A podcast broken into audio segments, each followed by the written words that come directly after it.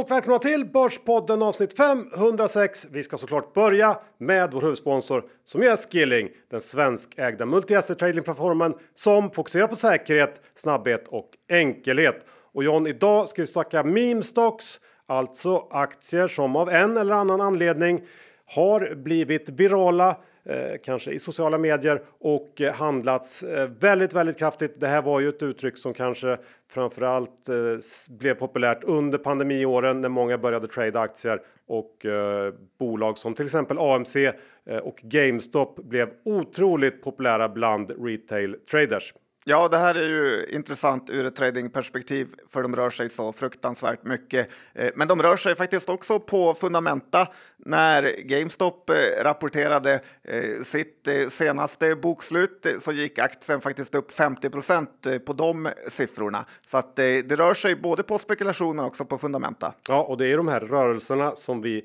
traders gillar. Eh, rör det på sig mycket, ja då finns också möjligheter att tjäna pengar och via skilling så kan man såklart handla både GameStop och AMC. Man kan gå både lång och kort. Det är precis lika, lika enkelt och eh, nu är frågan om det kommer någon slags ny fart i den här typen av aktier. Ja, då eh, finns då möjligheten att, att handla via skilling. Ja, man ska också komma ihåg att det finns en herrans massa andra aktier att handla, eh, bland annat 35 svenska aktier och 750 eh, globala CFD-aktier som eh, Skilling erbjuder. Så är det. Men kom ihåg att 76 av retailkunder får pengarna från CFD på Skilling.com för fullständig ansvarsfri skrivning. Och John, om man inte har öppnat ett konto än, vad gör man då? Då använder man sitt bank-id, laddar ner appen eller går in på hemsidan. Skilling.com. Precis. Vi säger stort tack till Skilling! Det är onsdag igen och Börspodden gör det de gör bäst. Det gör de. Levererar eh, aktie på aktie på aktie. Jag tänkte prata om aktier snarare än att investera i dem. Ja, det är vi inte lika bra på. Nej. Och eh, du vet ju vad det är för dag idag. Ja, det är din namnsdag. Jajebox. Fått någon present? Eh, nej. nej. Fick kaffe på sängen Johan. Ja, inte av mig. det kan jag lova. Ja. Johan, Dr. Bassi Isaksson, index står i 22,44 och eh, det är alltjämt ganska positivt eh, där ute. Ja, det får man säga att det är och eh, jag vet inte om det är rapporterna som bidrar till det, för de har ju i stort fortsatt att komma in bra tycker jag. Och som jag pratat om nu sista veckorna så är det främst inom verkstad som de här stora positiva överraskningarna har kommit. Och visst är det så att orderingången den har generellt sett tuffat på bättre än väntat. Eh, ekonomin i stort får man väl säga har helt klart varit betydligt mer motståndskraftig än vad många trott, inklusive mig. Men någonstans tycker jag ändå att det blir lite märkligt att handla upp verkstadsbolag till skyarna för att de just nu lever i de bästa av världar samtidigt som jag tycker att många vettiga bolag inom tech och tillväxt. De eh, är fortfarande nere på i princip lows. Jag har lite svårt att få ihop det och jag tror kanske att marknaden lurar sig själv lite grann. Eh, att det är någon slags falsk trygghet som smugit sig på oss nu i verkstaden. Och eh, läste faktiskt senast i morse i DI att orderingången på personbilar mer än halverats här under årets första fyra månader. Jag gissar att det ser ut på liknande sätt i flera andra branscher och till slut så kommer ju den här utvecklingen att synas även i verkstadsbolagens siffror. Så att, ja, jag är tveksam, men när vi går tillbaka och tittar på läget just nu och kommande kvartal så kan man ju eh, fråga sig ändå vad det finns för behov av räntesänkningar. För i närtid så kommer ju den här styrkan antagligen att liksom fortsätta. Eh, jag tror inte att man ska hoppas på att få lägre räntor eh, jättesnabbt, utan eh, det kan nog ta en liten stund. Eh, andra sidan av det myntet är ju att det fortsätter att krascha lite banker i USA. Eh, var en till här i veckan som har haft problem och ehm, ja, det finns ju en stor risk att vi närmar oss ett läge där den här svagheten vi sett i delar av ekonomin sprider sig eh, till att bli någon slags bredare nedgång. Och det är väl såklart i det lägret som man hittar mig. Eh, men samtidigt så har börsen då tuffat på uppåt. Vi är väl mer eller mindre på all time high just nu, justerat för utdelningar och eh, utrymmet för besvikelser borde rimligtvis ändå vara ganska begränsat just nu så att vi ska väl inte glömma bort alla de här klyschorna John, att aktier är en vintersport, eh, sell in May go away och så vidare. Alltså att säsongsmässigt så är vi nu på väg in i en svagare period. Så oavsett vad man tror så kanske det ändå inte är läge att liksom rusa in i massa nya aktier på börsen just nu. Det är ja. min syn. Ja, men helt eh, rätt. Det är lätt att göra bort sig under den här perioden. Såg att eh, till och med Henrik Mittelman var lite så Sverigedissig i dagens det angående valutan. Så att eh, då har det gått långt. Ja, och på tal om räntor John, eh, du har svängt lite grann i frågan om bolån och amorteringar. Ja, jag trodde nästan aldrig att det eh, skulle hända, men det börjar som, eh, kännas som att för första gången på länge så börjar det faktiskt vara värt att eh, amortera på sina bolån i kombination med att det lite känns som att börsidéerna är slut nu, eller i alla fall att börsen inte är undervärderad, eh, som du eh, just var inne på. Bolånen ligger nu kring 4% och lägger man till då att man dessutom måste betala kring 1% i ISK-skatt så börjar man få en ganska så respektabel riskfri avkastning på att just amortera på sina bolån. Visst att man eh, får göra ränteavdrag som gör det eh, billigare, men ändå. Eh, det bästa med att minska sin skuldsättning är ju att man skapar möjligheter inför framtiden. Man får tänka att ens privatekonomi är lite som ett börsbolag. Att om man är högt eh, och hårt skuldsatt så minskar man manöverutrymmet. Medan om man har lite kreditfaciliteter lediga så har man mer flexibilitet. Dessutom så är det extremt eh, skönt eh, att inte behöva elda för kråkorna som vi brukar säga i podden. Det vill säga att så mycket av det man tjänar ska gå till banken i räntekostnader. Ja, men det är en bra poäng. Man vill ju till exempel inte vara som Pricer det vill man inte. Som får den här veckans eh, haveripris av mig.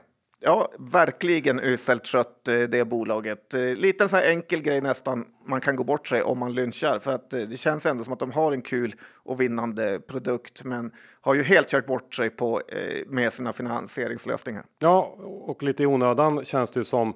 Eh, Prices styrelse har då på några få år lyckats gå från nettokassa till att bli uppfintade på läktaren av de här Turinvest via den här obligationen som utfärdades så sent som i december förra året och som nu då tvingar Pricer till en nyemission på 300 miljoner kronor. Och eh, man får helt enkelt inte sätta sig i en sån sits som Pricer gjort där det alltså bara han gå ett kvartal eh, innan konvenanterna bröts och bolaget tvingats till en, en emission då som man egentligen inte skulle behövt göra. Väldigt tråkigt tycker jag för alla aktieägare och eh, det är ju svårt att se hur styrelsen ska kunna sitta kvar efter det här. Ja, de borde få kicken allihopa och jag såg att Alkur har gått ur ägandet ur det här bolaget.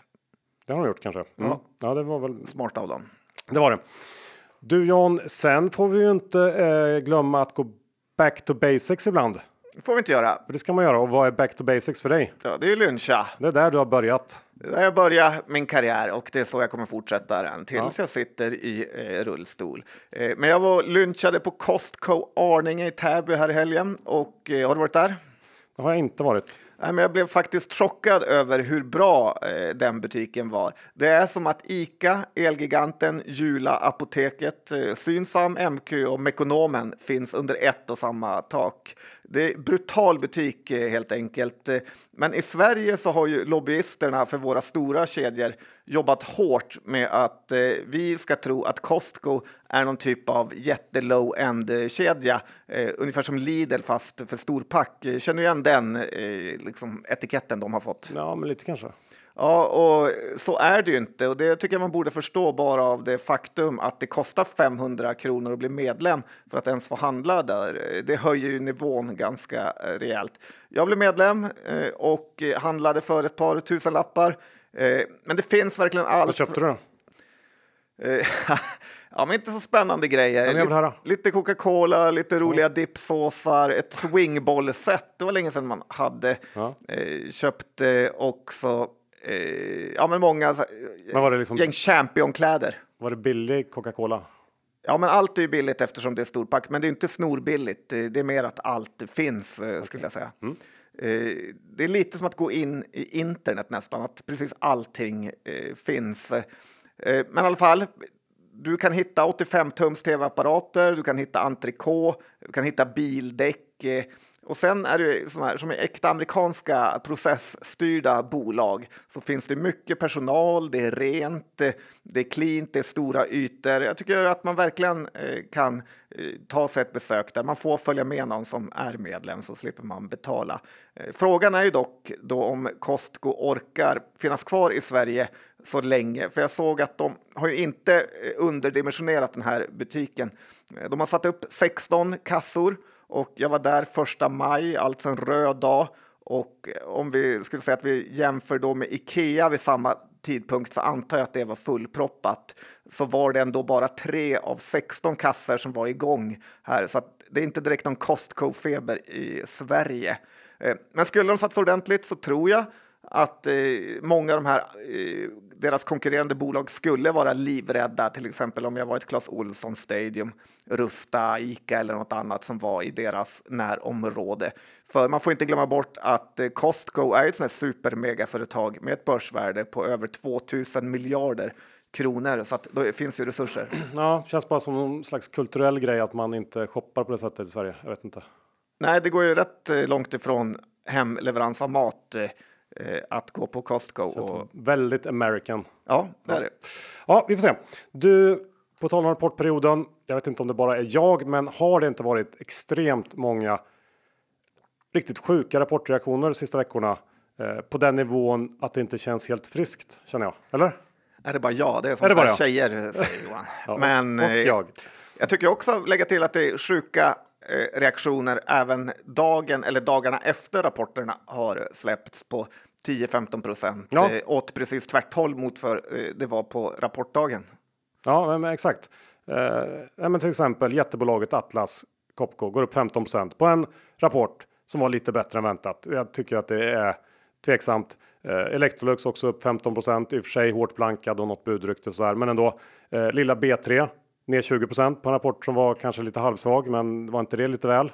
Jo, jag kommer gå in på det mer sen. Ja, och eh, Hexatronic fick också massor av stryk på en rapport som såg ganska bra ut. Eh, det finns väl också lite frågetecken kring caset i stort, men ändå. Eller Kambi tappat 14-13% på sin rapport som enligt analytikerna var mer eller mindre inline. Eh, och så här kan vi fortsätta. Men när börsen beter sig så här så blir jag ändå lite nervös. Jag måste säga det. ja, det kanske inte någon lyssnare har förstått.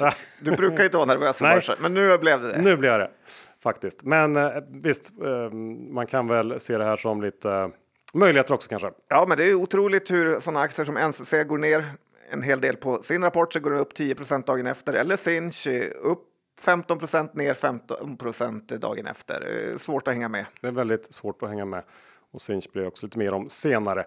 Men John, först så ska vi prata om CFO sparkningshysterin. Är det sån? Ja, men det är relativt vanligt ändå att det är just eh, CFO eller finanschefen som eh, får sparken och eh, det är ju bland det sämsta man kan göra som vd, i alla fall kortsiktigt för aktiekursen. Det blir alltid en massa oro om att något inte står rätt till och att eh, marknaden tänker att vdn nog inte vill gå med på nedskrivningar eller andra negativa saker som finanschefen påtalat.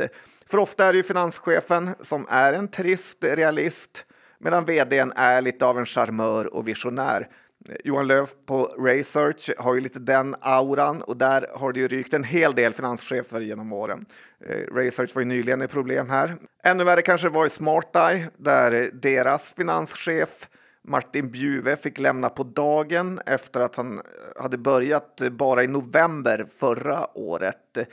Där fick ju marknaden verkligen lite panikkänsla och det sägs ju att det var lite samarbetsproblem där och att vdn trivdes bättre med den här interims-CFOn eh, som var eh, där tidigare och att det här bytet egentligen var bestämt eh, redan innan nyemissionen. Men man ville göra den klar och sen skulle han eh, lämna.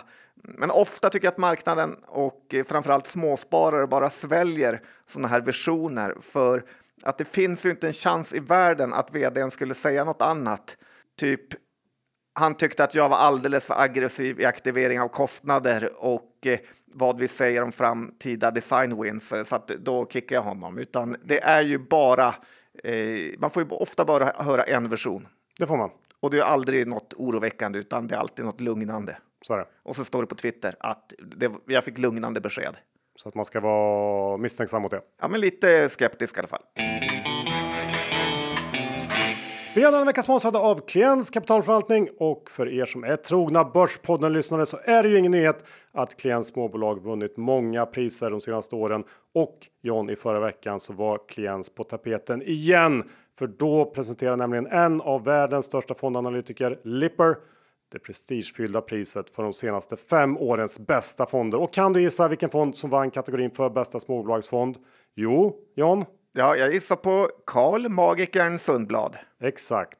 Klients småbolag Indexkrossaren. Så det är bara att gratulera Karl och alla andelsägarna i klients småbolag. Ja, och det är ju ändå rätt mäktigt att se vad en framgångsrikt aktiv förvaltad fond kan skapa för mervärden. Sedan starten 30 september 2016 fram till 30 april i år har alltså Klients småbolagsfond avkastat drygt 207 procent jämfört med index 99 procent. Alltså mer än dubbla avkastningen i Carnegie Small Cap. Ja, det är ju imponerande. Och var kan man då köpa Klients fonder?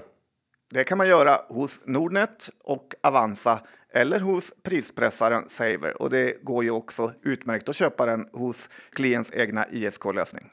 Yes, men kom ihåg att historisk avkastning är en garanti för framtida avkastning. Pengar som placeras i fonder kan både öka och minska värde och det är inte säkert att få tillbaka hela insatta kapitalet. Vi säger stort tack till Klients kapitalförvaltning.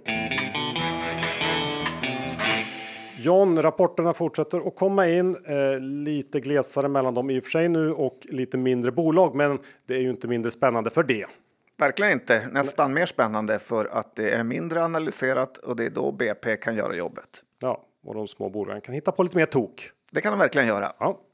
Ska vi försöka? Ska vi börja med något bolag som har tokat till det lite kanske? Ja, men då börjar vi med SBB tycker jag, för de. Där är det mycket tokerier. Det är det verkligen och det här börjar nästan bli läskigt faktiskt. Det känns som att Ilja helt har slutat agera för aktieägarnas bästa för att kunna rädda sig själv och sin obligation som då är beroende av utdelningarna från SBB. Eh, det här har ju marknaden nu sett igenom direkt får man säga och när den här nyemissionen presenterades eller annonserades så handlades ju då D-aktien direkt under 16 kronors gränsen, eh, vilket gör att ingen vettig människa kommer teckna den här eh, emissionen och ännu mindre nu när D-aktien rasat ner till 14. Sen är det här ju det sista av alla val Eh, ett bolag borde försöka göra, att göra en nyemission till 12,5 procent Eh, i ränta. Eh, alla andra möjligheter är nog uttömda och man får lite känslan av att det här är ett desperat försök att lura småspararna en sista gång för att överleva eh, fram till att räntorna förhoppningsvis sänks. Ingenting talar ju för att det här är en bra affär och alla tricks i boken är nu faktiskt gjorda skulle jag säga. Avknoppningen av Neobo försäljningen av de bästa fastigheterna eh, med lite halvshady villkor. Man är i desperat behov av cash, men ändå fortsätter man dela ut. Eh, lite är det också med bankernas goda minne. Eh, för de vill ju inte låna ut mer pengar till SBB, men de vill heller inte ha en jättehärva att lösa om Ilja skulle eh, defaulta eller ge upp och att det kanske skulle sprida sig då till Rutger eller Soj och ja, därför försöker man nu lura på småspararna den här eh, D-aktien. Och sen får man ju lägga till att SBB är ju också lite småhatade bland kommunerna sen man lurade av dem deras eh, samhällsfastigheter innan det blev hett. Så att jag skulle inte heller bli förvånad om det blir mer uppsägningar eller färre förlängningar av vissa avtal eh, framöver heller. Så att en olycka kommer sällan ensam. Det eh, gör den ju inte av erfarenhet och eh, är Ilja nu topp tre globalt som hoppas på att räntorna kommer ner snabbare än väntat? Han ber nog till börsguden varje kväll att det ska hända. Inte bara börsguden, det är nog alla gudar som finns. Okej. Okay. Där runt om i världen. Nej, men han känns som ehm, ja, den människa i Sverige i alla fall som skulle gynnas mest av det. Verkligen. Ja. Så är det med det och eh, ett till bolag som har tokat till det lite grann. Det är ju Research som du var inne lite på i första delen. Ja, så är det. För de Johan Löf gör det igen. Ja, eh, det sitter på något sätt i väggarna där. Man brukar prata om att saker sitter i väggarna hos bolag och på något sätt så verkar den här typen av liksom fuck ups sitta i väggarna hos Research. Man trodde ändå att Günther skulle hjälpa till att styra upp sånt här. Ja, han kan väl inte göra så allt liksom från sin styrelsepost. Men, Men lite. Ja, lite. Ingen kan göra allt. Alla kan göra lite. Ska vi, ska vi komma fram till vad, de, vad som hände? De tvingades ju gå ut med sin Q1 i förväg eh, under förra veckan. Eh, för att man trots då en balansräkning i fin form lyckats bryta mot konvenanter på en kredit hos SEB som man inte ens utnyttjar. Och det här är ju sak en icke händelse kan man tycka, men samtidigt så är det precis sådana här grejer som man hoppades på att vi skulle slippa se i Research nu, att de hade städat bort det. Eh, men eh, för även om, om det som har hänt inte spelar någon faktisk roll så tycker jag att det signalerar att man inte har ordning och reda på sina grejer. Den typen av signaler gillar inte marknaden och om man nu ska försöka bygga upp förtroende och få en högre värdering så måste den här typen av liksom pajaserier upphöra. Siffrorna för Q1 var i sig eh, okej, okay, lite högre än de få estimat som fanns, även om jag eh, personligen hade velat se lite bättre orderingång. Men eh, ändå ett bakslag för liksom aktiens återtåg på något sätt. Ja, och det märktes ju direkt i kursen att den eh, föll tillbaka.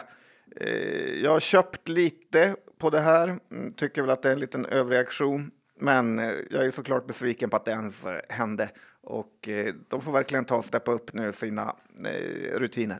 Ja, det får de göra. Nu på morgonen John så har en eh, gammal, ja det är väl en gammal småspararfavorit rapporterat. Jag tänker på Sint, i alla fall en, en gammal raket. Ja, vi kan väl ta en eh, Som inte längre är en raket. titt eh, på ett av börsens eh, allra största scammar just nu och det är just eh, Sint undersökningsbolaget. Man gillar inte ens det namnet. Men så vi, det är sådana här digitala marknads eller kundundersökningar ungefär. Ja, och det har väl visat sig mest vara fejkundersökningar eh, via att eh, de då blivit utnyttjade av så, här, så kallade bottar som svarat på deras undersökning. Mest är väl kanske lite överdrivet, men det, de har problem med det. Ja, de har väldigt stora problem med det och eh, det här är ett problem som då började precis just efter börsintroduktionen. Vad tycker man om det? Det tycker man är lite märkligt och underligt. Ja, verkligen. Och eh, lite kul är det också när man så här står bredvid och ser eh, haveriet eh, eh från sidan. Eh, reverseringarna eh, fortsätter. Försäljningen minskar, resultatet minskar. Nordic Capital får man nog säga har satt ytterligare ett bluffbolag på börsen helt enkelt. Bolaget är skuldsatt, så det ser inte heller bra ut. Det enda som är positivt i Sint är ju faktiskt att ledningen köpt en hel del aktier eh, senaste tiden, vilket faktiskt är helt eh, ja, men väldigt svårt att förstå när man ser dagens resultat. Ja, och aktien är väl ner typ 30 procent idag? Ja, och om man kan läsa något av sådana här eh, bokslut så skulle jag ju säga att det nästan garanterat kommer bli en nyemission här och det är precis då Johan, de här stora gamarna kommer in och börjar lasta på aktier igen på otroligt eh, låga nivåer. Så att eh, stay away i det här eh, bolaget är min känsla tills en nyemission annonseras. Ja, och eh, på lite halvsamma tema John så har vi Sinch som rapporterar förra veckan. Ja, det var eh, vilda svängningar där som vi var inne på. SMS-bolaget som ju också gjort en eh, omvänd raketresa sista åren. Um, en Elon Musk-raket upp och sen krascha. Ja, och eh, här var det också. Vi var inne på sjuka rapportrörelser i aktier. Det här är väl eh, en av de värsta. Eh, men om vi går tillbaka till rapporten om de rapporterade förra veckan. Siffrorna var väl liksom så här inline till lite småsvaga. Ledningen pratar om en utmanande marknad och så vidare. Den här så viktiga organiska tillväxten i gross profit som man har tittat på kom in på minus 1% Här vill man ju gärna se lite tillväxt i alla fall. I Q4 var man uppe på plus 2 %. Eh, så det där kollar många på. Mm, bolag bolaget pratar ju också om att man har en stark marknadsposition och att eh, när väl kunderna vänder från den här eh, kostnadsbesparingsläget som vi många är i nu till att börja satsa mer igen. Då sitter man bra liksom där man är nu. Men eh, tillbaks till aktien. Den börjar med att rasa 11-12% för att under eftermiddagen sen röra sig upp mot nollan och till slut stänga 4% på rapportdagen. Och sen steg den ytterligare kommande dagar för att sen då igår rasa 16 tror jag extremt eh, svajig eh, aktie och nervös aktie får man säga. Ja, men det är som en sån fågelskock som är helt eh, oförutsägbar, svänger åt vilket håll som helst. Ja, sen är ju eh, Sinch extremt blankad. Jag tror det är den femte mest blankade aktien på Stockholmsbörsen. Eh, det här bidrar ju till den här typen av rörelser.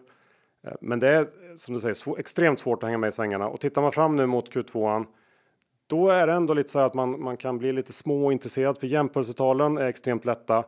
Eh, och kombinationen då av hög skuldsättning, massor av blankare och lätta jämförelsetal. Det är ändå en intressant eh, cocktail på något sätt. Speciellt då för de som tror kanske lite mer på ekonomin i stort än vad jag kanske gör. Eh, men det ska bli väldigt spännande att följa den här aktien under året. Den kan ju röra sig extremt mycket åt bägge håll känns det som nu.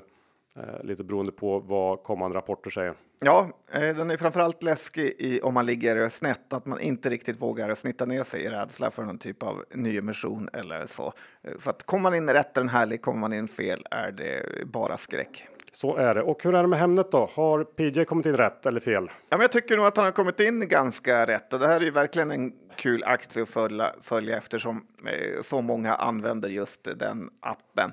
Och tittar man snabbt på rapporten så blir man ju inte imponerad av siffrorna då de var ungefär likadana som förra året. Men tittar man noggrannare så ser man att eh, det är egentligen otroligt bra gjort av Hemnet att eh, prestera liknande som förra året då försäljningsobjekten har störtdykt då ingen velat sälja under den här svajiga perioden vi haft eh, senaste tiden. Dessutom, något man kanske inte tänker på, är ju att bostadsutvecklarna packat ihop helt och gett upp och sälja på ritning. Så att de som kunder har man också eh, tappat. Eh, mm, så istället har man då lyckats kräma ur eh, 38 procent mer per objekt till i snitt 3700 kronor per annons. Och då är ändå Q1 det sämsta kvartalet för Hemnet i snittpris. Och ja, det känns i grund och botten fortfarande Eh, Eh, billigt eh, med 3700 skulle jag säga med tanke på den enorma spridning man får och hur mycket pengar det rör sig om när man säljer ett eh, hus eller lägenhet.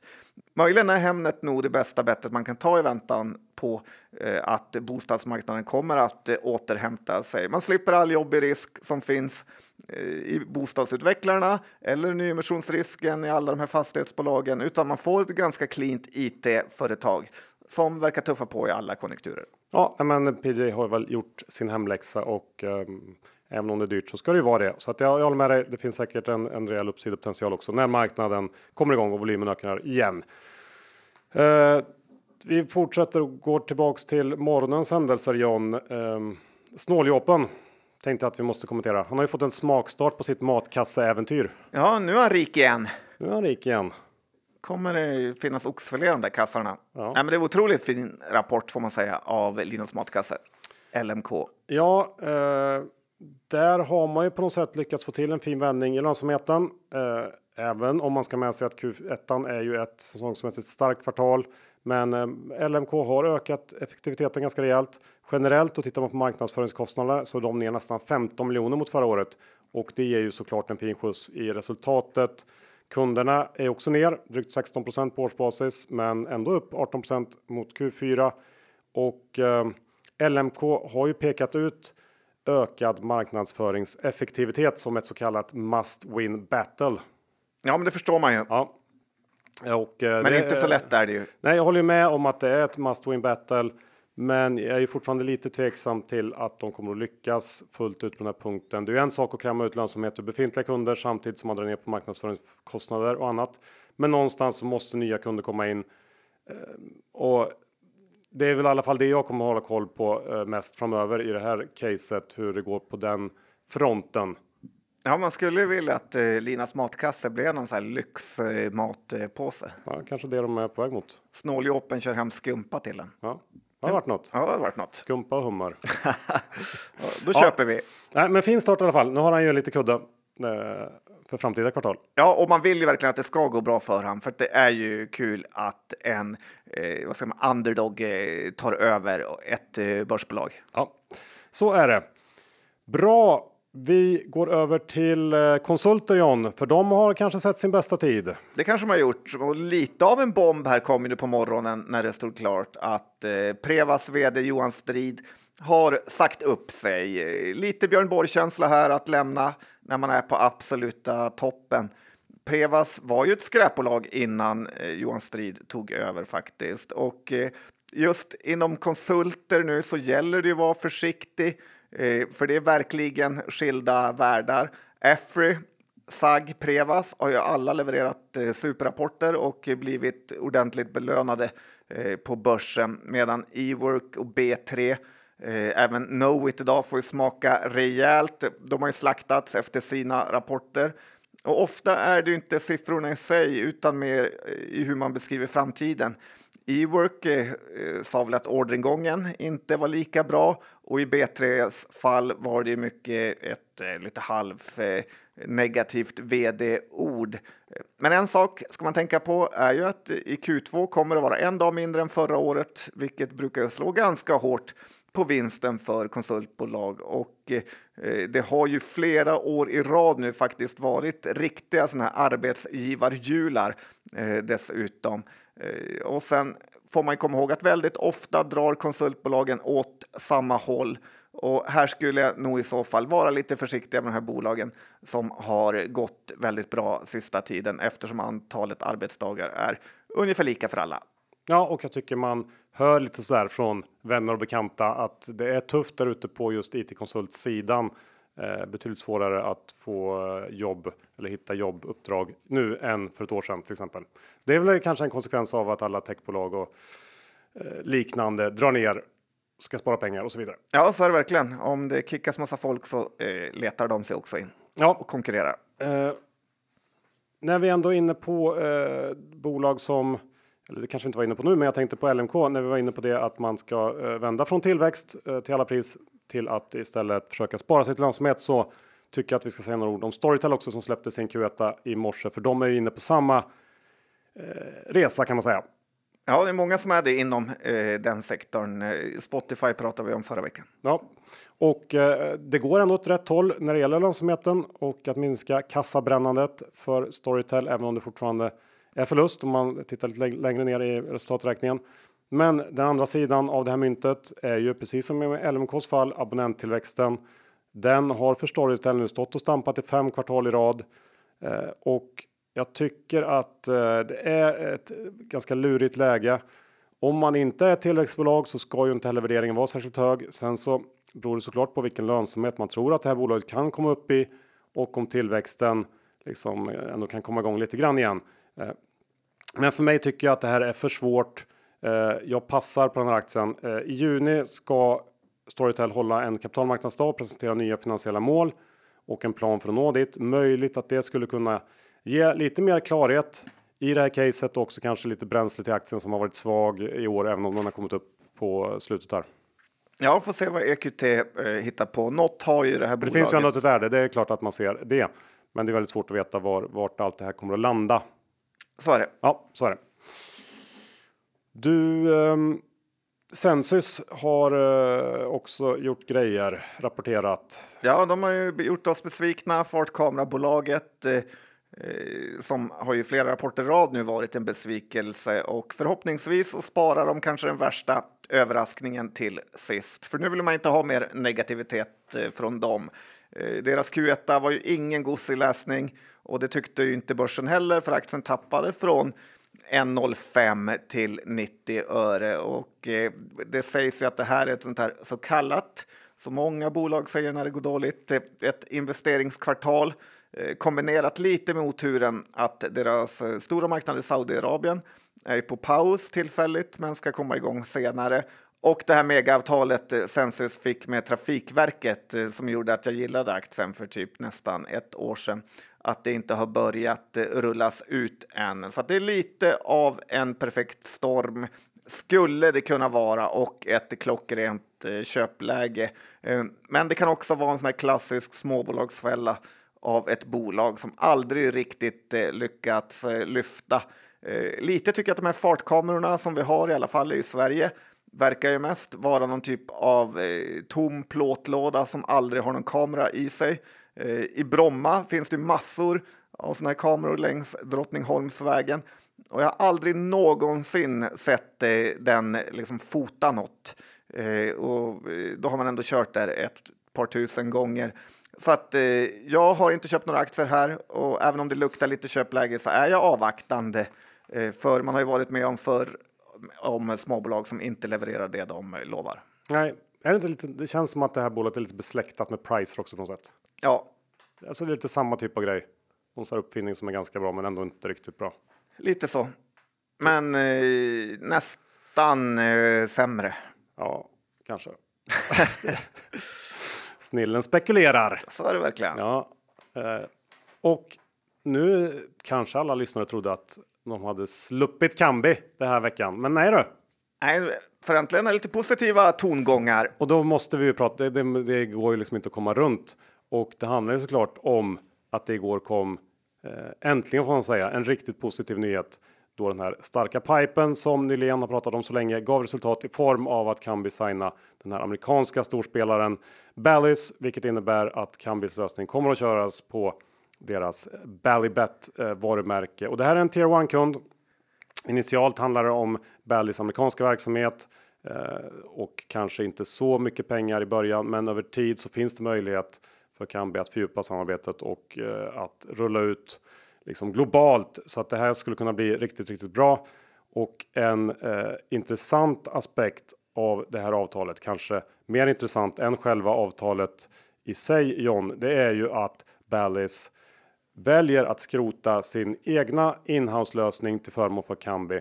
Eh, det var så att 2021 då köpte Bally's upp sportboksbolaget eh, Betworks för 125 miljoner dollar. Men Eh, den sportbok som de levererat, den har inte nått upp till förväntningarna och Bally skriver också att en av orsakerna till bytet är att få ner eh, de höga fasta kostnaderna och istället få en lösning med rörliga kostnader, vilket i sin tur minskar risk och väntas leda till rejäla kostnadsbesparingar. Alltså helt i linje med vad eh, kan vi pratat om och det här är ju extremt viktigt för aktien. Storyn på marknaden har ganska länge nu varit att outsourcing inte funkar och att alla operatörer av hyfsad storlek kommer att köra inhouse. Men precis som kan bli sagt hela tiden så är det väldigt få operatörer som har storleken som krävs för att det ska vara rationellt att ha sportboken inhouse. Och nu när kraven från marknaden också ökar när det gäller lönsamhet och så vidare. Ja, då ökar också attraktionskraften i Kambis erbjudande tror jag så att förhoppningsvis kan det komma in fler avtal efter det här och jag gissar att vi kan få eh, också se en första försäljning av Eh, en modul eh, under innevarande eller kanske nästa kvartal. Och eh, som om inte det vore nog John så nåddes vi också av ett tips från en, en väldigt väl underrättad källa när det gäller. Ja, det har lite med Kambo att göra i alla fall. Ja, berätta. Ja, men det gäller ju Svenska Spel och att de är väldigt missnöjda med SBTech. Och eh, konkret så handlar det om att oddsättningen, den är inte tillräckligt bra. Det leder till att Svenska Spel tappar kunder. Det här är ju eh, delvis känt får man säga sedan tidigare. Men det som vår uppgiftslämnare som då har insyn i Svenska Spel har berättat det är att Svenska Spel nu faktiskt planerar en ny upphandling med syfte att byta leverantör. Och det här är ju intressanta nyheter. Ja, verkligen. Det vore ju en fjäder i hatten om Kambi kunde ta det här. Och att det är verkligen så, för jag som gillar att hålla lite koll på bettingen, är ju att Svenska Spel inte är konkurrenskraftigt med SBTech, att de alltid erbjuder sämre odds än andra. Så att eh, jag förstår att de är missnöjda och det här talar ju för eh, andra lösningar än SBTech. Ja, och det är bara att titta på eh, ATG som har Kambi. ATG tar marknadsandelar. Eh, Dessutom om man ska nu titta på Kambis chanser att, att ta eh, vinna en eventuell upphandling så finns ju inte längre kopplingen till Kindred kvar. Det har ju pratats om att den gjorde det delvis omöjligt för Kambi att vinna Svenska Spel förra gången och Kambi kan nu också då till skillnad från förra gången Svenska Spel gjorde en, en sportboksupphandling sälja sitt erbjudande i moduler, vilket jag tror eh, var och är ett krav från Svenska, Svenska Spels sida som eh, bedriver någon slags eh, arbetsmarknadspolitik och har ett gäng eh, traders på Gotland eller vart de nu sitter. Ja, Sundbyberg med. Och sen har de väl lite egna så här specialgrejer som ja. äh, vill, Stryktipset och Lotto och så vidare. De vill kunna äh, klippa och klistra lite grann i lösningen. Och det kan man ju nu. Så det är spännande tider för alla Kambi-ägare och äh, äntligen får man väl säga. Ja, men ska vi titta lite på Kindred med, för det är också spännande där, alltså Unibet. Ja. Det är ju ja, men exceptionellt intressant läge och då tycker jag att det är konstigt att både Affärsvärlden och Börsveckan ger avvakta rekommendationer här. Det är inte så att sniperavdelningen kommer ringa de analytikerna direkt, för att så skotträdd får man inte vara. Man måste våga ha en åsikt eh, om man har betalt för det. För kort eh, sammanfattat kan man säga att eh, Kindred har skickat ut ett PM eh, som säger att man sonderar terrängen för ett bud och aktien gick upp eh, 10-15 procent på det. Så antingen tror man på bud och då har man köp eller så tror man inte på bud och då har man sälj, tycker jag. Det finns inga helgarderingar eh, på börsen. Eh, jag tillhör de som tror att det finns ganska goda möjligheter att vi kommer få se ett bud här och har köpt en del aktier. Det har länge varit spekulation om att Kindred är nästa man till rakning vad gäller bud och jag tror inte att styrelsen eh, skickar ut såna här grejer bara för att eh, Corvex som är största ägare vet ju hur sånt här fungerar Och eh, mitt bett är väl att eh, man vet att det är ganska småhett nu om man försöker maximera priset. Eh, eh, och vi har ju sett väldigt många förvärv inom spelbranschen så att det känns ju inte som att man är ute och gissar för långt. Lite oroväckande dock tyckte att det var att en eh, styrelseledamot här nu nyligen eh, köpte aktier eh, bara för några dagar sedan, för det indikerar ju att det inte finns något konkret bud på bordet ännu i varje fall. Även om det var en ny styrelseledamot så kan han ju inte köpa om han vet att det ligger bud på bolaget. Nej, så är det och det är väl säkert så att det inte finns något konkret bud på bordet helt enkelt. Nej, och att det alltså andas ju lite panik också. Det är ju inte så att det går snuskigt bra för Kindred just nu, speciellt inte om man tittar på andra peers som Betsson till exempel som dundrar fram. Nej, så är det ju. Mm, så att de är väl inte helt nöjda där borta. Vi får se. Men, på tal om det här med, med eh, att som sniper så måste man ta. Jag tror att man nästan måste vara säker på att träffa om man är sniper, annars så röjer man sig. ja, du behöver inte fundera så mycket på det Johan. Men de lär ut sånt på skolan. Slut på avsnitt 506. Vi säger stort tack till vår huvudsponsor Skilling. Öppna konto om ni inte redan har gjort det. Det finns allt möjligt mellan himmel och jord egentligen att trada både lång och kort. Uh, ja, och hur man vill helt enkelt. Väldigt bra lösning som Skilling har. Ja, härlig kundtjänst med ja. och svenska. Precis, men kom ihåg att 76 av inte kunder förlorar pengar när de handlar CFDs. Besökskilling.com för att få fullständig ansvarsfriskrivning. Och John, innehav, vi har Research, vi har Kambi, vi har Kindred. Uh, vad pratar vi om mer? Ja, det var väl eh, de grejerna du drog upp.